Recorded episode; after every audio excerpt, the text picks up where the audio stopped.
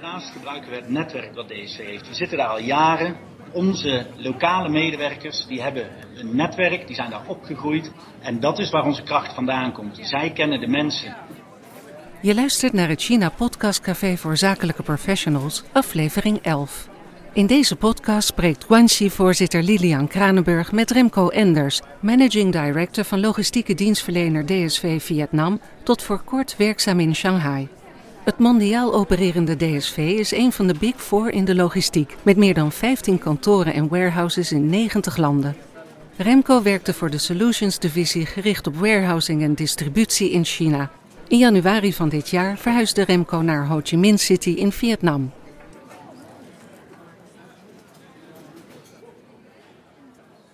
Welkom Remco, fijn dat je meedoet aan deze podcast. Na drie jaar Shanghai woon en werk je nu in Ho Chi Minh City. Ben ontzettend blij om je daar te spreken. Maar vlak voordat China in lockdown ging, kwam je dus in deze stad. Dat had je natuurlijk niet kunnen voorzien. Wat bracht je eigenlijk naar het oude Saigon? Nou, na een aantal jaren China en Shanghai was ik toe aan een nieuw land, een nieuwe uitdaging. En ondanks dat ik bij hetzelfde bedrijf eh, kon blijven, voelde het als een nieuw bedrijf. In 2019 heeft DSV Panalpina overgenomen en in Vietnam was Panalpina de grotere organisatie. Dus het voelt als werken voor een nieuw bedrijf in een nieuw land. Dus die uitdaging die ik zocht, die heb ik daarmee eh, zeker gevonden.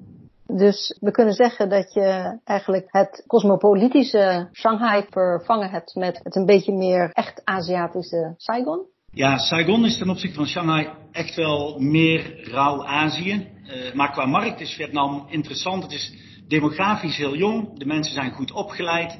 Ze willen graag werken en de, de kost van arbeid is nog relatief laag. En als je dat combineert met hun thuismarkt van ongeveer 100 miljoen mensen, dan zien wij dit als de groeimarkt in Azië voor de komende jaren. Dus ik ben blij dat ik daar deel van uit mag maken. Ja, dat kan ik begrijpen. Want als logistieke dienstverleners met eigen warenhuizen managt DSV wereldwijd goederenstromen van A tot Z, heb ik begrepen. Kan je eigenlijk schetsen wat jullie unique selling point in China is? Wat maakt jullie zo succesvol in deze markt?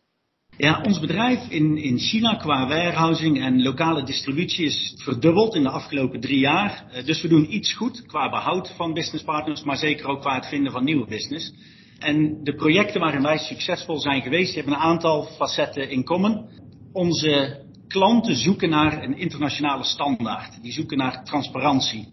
En wat belangrijk is in China is, ze zoeken naar voorspelbaarheid qua de contracten, maar ook de naleving van de contracten. En hoe wij competitief zijn ten opzichte van onze internationale uh, collega's, uh, is dat wij veel innovatie gebruiken in onze operatie, in onze oplossing. Uh, daarnaast gebruiken we het netwerk wat DSV heeft. We zitten daar al jaren. Onze lokale medewerkers, die hebben een netwerk, die zijn daar opgegroeid. En dat is waar onze kracht vandaan komt. Zij kennen de mensen. En die paar experts die daar geplaatst zijn, die geven wel richting, maar die maken niet het verschil. Dat komt echt van de lokale collega's die kunnen werken met overheden, met douane, met leveranciers. En zij maken het verschil. Want waarin verschillen jullie dan met Chinese dienstverleners? Chinese dienstverleners zullen ook in deze markt kunnen uitblinken, neem ik aan. En zie je eigenlijk in de groeiende ervaringscurve van Chinese concurrenten dat ze grote stappen maken? Uh, ja, zij maken hele grote stappen. Als ik kijk naar de Chinese bedrijven waarmee wij concurreren, heb je eigenlijk uh, een tweesplitsing. 80% van de dienstverleners is een goedkope commodity. Dus zij doen iets wat iedereen kan. Een volle pallet in, volle pallet uit. Dat is niet echt onze concurrentie. Onze concurrentie zit er meer in de geautomatiseerde, innovatieve uh, dienstverleners. En de mentaliteit daar is anders ten opzichte van een internationaal bedrijf. De mentaliteit die Chinese innovatieve bedrijven hebben, die is gebaseerd op drie delen. In China of in Azië, mag ik wel zeggen, heeft men liever een 80% correct product of dienst morgen in plaats van 99% correct over een week. Ze willen snelheid en flexibiliteit en, dynamiek. Daarnaast is er in China een, een eindeloze investeringsmogelijkheid. Iedereen die uh, tien jaar geleden een appartement had in Shanghai, die is nu miljonair. En sommigen hadden er twee, drie of vier. Uh, dus dat betekent dat mensen die bij ons op de klantenservice werken 10 miljoen euro aan appartementen hebben. Dus je ziet in Shanghai een enorme dichtheid aan Porsches, Omega horloges, Louis Vuitton tasjes. En dat geld wordt ook geïnvesteerd in start-ups, in nieuwe ideeën. Ze hebben money to spend. En de derde is puur de massa. Eh, in China komen er 5 miljoen engineers van de universiteit elk jaar. Als je dat vergelijkt met Amerika is dat 500.000, dus een tienvoud in China. Dus ze hebben gewoon de veelvoud aan talent en aan opgeleid personeel die die innovatie kan brengen en kan pushen. Dus je zegt eigenlijk uh, massa, geld, ambitie, heel belangrijk. Dat is wat Tante Mix geeft. Kwaliteit kan morgen komen, maar dat zal wel komen. Alleen misschien transparantie is er nog niet helemaal. Dus misschien daarom zal men nog niet helemaal op de buitenlandse fabriek in China zitten? Ja, ik denk dat internationale bedrijven die actief zijn in China veelal kiezen voor een internationale dienstverlener. Zeker als je nog geen groot kantoor of grote fabriek bijvoorbeeld hebt in China. Want dan heb je niet zelf je lokale collega's of je lokale netwerk die hun relaties hebben. En dan moet je dus een internationale partij zoals wij gebruiken om dat netwerk te hebben. Anders kun je nog wel eens bedrogen uitkomen. Als je je partner vertrouwt zonder een relatie te hebben, een contract tekent met alle goede intenties, dan kun je wel eens later vinden dat een contract het startpunt is van de onderhandeling en niet het eindpunt. Er is altijd een grijs gebied in China waarvan ze zeggen, oh dat had ik verkeerd begrepen. Of ah, maar dat is eigenlijk niet van toepassing. En uh, ja, dan heb je je lokale collega's nodig om dat te managen en in goede banen te leiden. Ik geloof dat dat heel herkenbaar is voor mensen die ondernemen in China. Je hebt daar ook wel eens uh, met mij over gesproken, over hoe jullie dat aanpakken ten aanzien van het inhuren van mensen. Dat dat ook zo belangrijk is, dat de mensen die voor je werken ook lokaal helemaal ingevoerd zijn in hun netwerken. Ja, dat is ik denk een van de belangrijkste eh, facetten in, in Nederland toen ik daar werkzaam was, zei ik altijd, je hebt mensen die willen en mensen die kunnen. En in China heb je ook mensen die kennen. En als zij een netwerk hebben, dat is de reden om, om mensen aan te nemen. Want die gaan dingen voor je gedaan krijgen. We kunnen natuurlijk niet in deze podcast niet ingaan op corona. Dus wilde eigenlijk ook graag weten, tot welke nieuwe inzichten zijn jullie gekomen in jullie branche? Als we het hebben over corona. Ik denk als je kijkt naar global supply chains, dat, uh, dat het een soort spreidje winkans toekomst zal zijn. Zowel uh, geografisch als politiek. Just in time werkt perfect en je total cost of ownership is lager als je just in time werkt. Maar het werkt alleen als het perfect werkt. En dat betekent, als je geen goederen kunt voeren over grenzen, dan staat alles stil. Een mooi voorbeeld is dat uh, ik sprak iemand en die zei: We hebben 15 dagen voorraad in country voor een automotive fabriek. Nou, dat werkt perfect als je luchtvracht kunt laten arriveren. Maar op het moment dat er geen luchtvracht is, dan staat je fabriek dus na 15 uh, dagen stil. En dat zie je gebeuren met corona. Alles valt stil omdat de voorraden zo laag zijn. Dus ik denk dat dat een spreiding gaat worden, dat we wat decentraler zullen gaan werken na corona. Decentrale werken, dat is in ieder geval een belangrijk inzicht. Um, even terug naar China. Mensen die zich met China bezighouden weten natuurlijk al vrij lang dat er een grote nadruk ligt op innovatie. Je hebt er zelf nu net ook iets over gezegd. Zijn Chinese ondernemers eigenlijk nog wel geïnteresseerd in hoe westerse bedrijven hun business optuigen? Ik denk dat ze daarin geïnteresseerd zijn, maar dat ze met een schuin oog kijken. Het is niet zo dat ze naar westerse bedrijven kijken en dat volgen. Ik denk dat we links en rechts zijn en worden ingehaald als westers bedrijf. Juist vanwege hun ondernemerschap, de massa aan slimme mensen en de hoeveelheid investering die ze hebben. Maar deels ook omdat de startpunten anders liggen. Dus de westerse bedrijven die doen al jaren zaken op een bepaalde manier. Die hebben processen, die hebben hun gewoontes en die zijn daarmee succesvol. Eh, Chinese bedrijven die starten 1, 3, 5, 10 jaar geleden. En die zijn snel en flexibel. Eh, alles kan, alles mag. En die schakelen gewoon sneller dan een westers bedrijf. Een mooi voorbeeld hiervan is uh, dat ik twee of drie jaar geleden in Nederland wat ga drinken met een paar vrienden. En dat zij heel trots waren op hun contactloos betalen met hun pasje van de ING. Dat is, dat is heel mooi. Toen diezelfde vriend mij op kwam zoeken in Shanghai en wij op straat stonden en een bedelaar vroeg om wat klein geld en ik heel, zei ja, ik heb niks zei hij, dat is geen enkel probleem, hier is mijn QR-code. Als je die even scant, dan kun je met je mobiele telefoon gewoon geld naar me overmaken. dus wat dat betreft contactloos betalen of, of mobiel payment, daar is China ons mijlenver voorbij.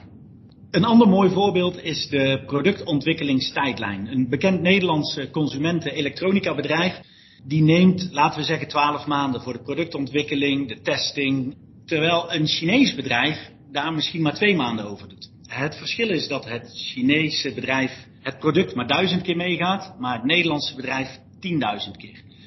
Eigenlijk koop je dus een product uit Nederland wat tien keer beter is dan uit China. Aan de andere kant kun je ook afvragen, hoe lang duurt het voordat je duizend smoothies gemaakt hebt? Duurt dat vijf jaar? En als dat zo is, dan is het prima dat je smoothie maker na vijf jaar ermee stopt. En heb je geen product nodig dat 10.000 keer gebruikt kan worden.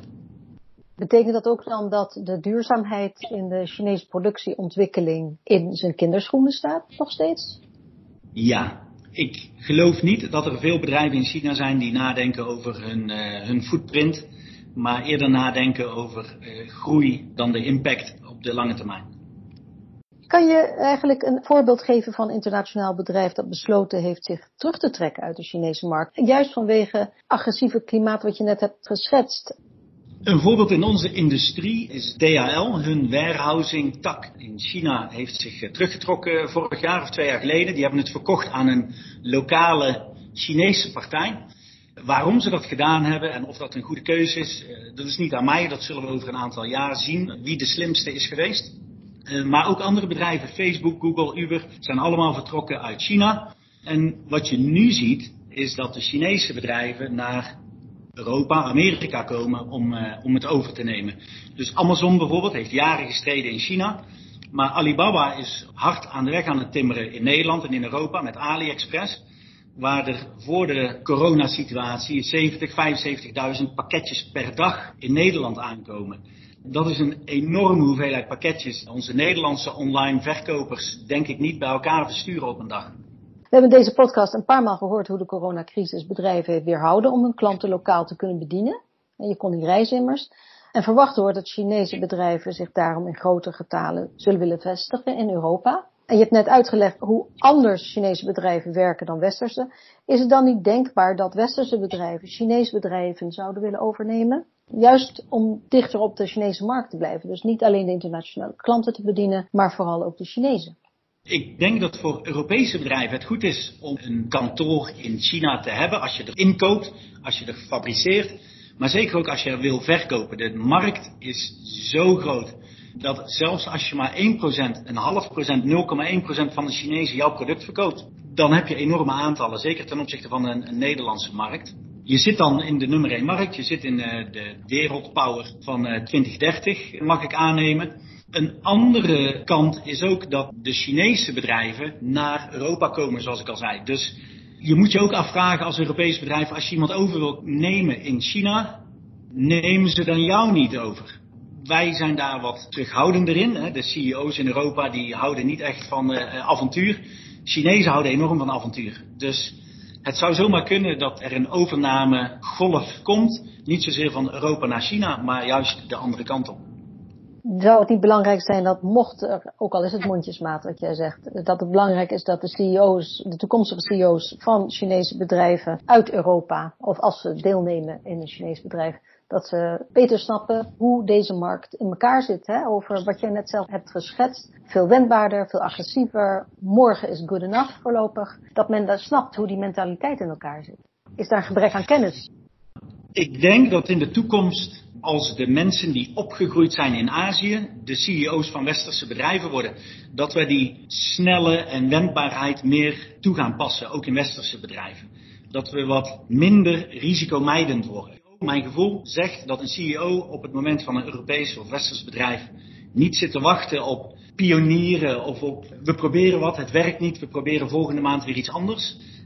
Maar dat werkt wel in Azië. En als de Aziatische markt groter wordt en de, de westerse medewerkers die in Azië zijn opgegroeid CEO worden, ik denk dat dan ook de westerse bedrijven eh, makkelijker die risicovolle benadering gaan accepteren. Ja, dat is ook een opstekertje voor de business management scholen dan, denk ik.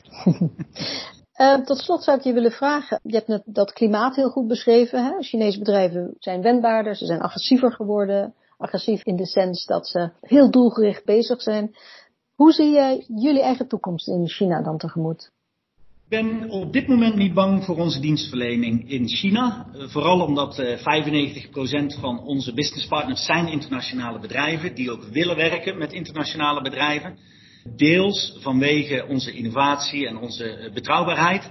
Anderzijds ook omdat een groot deel van onze businesspartners in China ook met ons werkt in andere landen. Dus het is niet alleen China. De samenwerking is niet alleen in China, het is ook in andere markten. Dus denk dat dat twee variabelen zijn waarom wij als bedrijf succesvol zijn in China en ook in de toekomst succesvol kunnen zijn in China. Ik hoop dan met dat mooie eindwoord van jou dat we kunnen concluderen dat DSV nog voorlopig lange tijd in Azië zit, zeker in Vietnam. Tussen onze 15 landen die we bedienen in, in Azië zien wij Vietnam als het uh, groeibriljantje. Dus ik ben blij dat ik hier de komende jaren aan de slag mag. Ik wens je veel sterkte en succes in je business toe. Dankjewel Remco Enders van DSV. Dankjewel. Tot ziens. Je luisterde naar het China Podcast Café, mede mogelijk gemaakt door Joël Kolen, Joke Bruinzeel en Lilian Kranenburg, bestuursleden van kennisnetwerk Guanxi. Voice-over en montage door VoiceOver House. Om terug te luisteren ga je naar www.guanxi.nl. Guanxi spel je G-U-A-N-X-I. Aan alle bezoekers en trouwe volgers van Guanxi zeggen wij: zodra dat kan zien we jullie graag terug op onze reguliere China-cafés. Tot die tijd doen we het even zo en wensen we iedereen een blijvende goede gezondheid toe. Proost!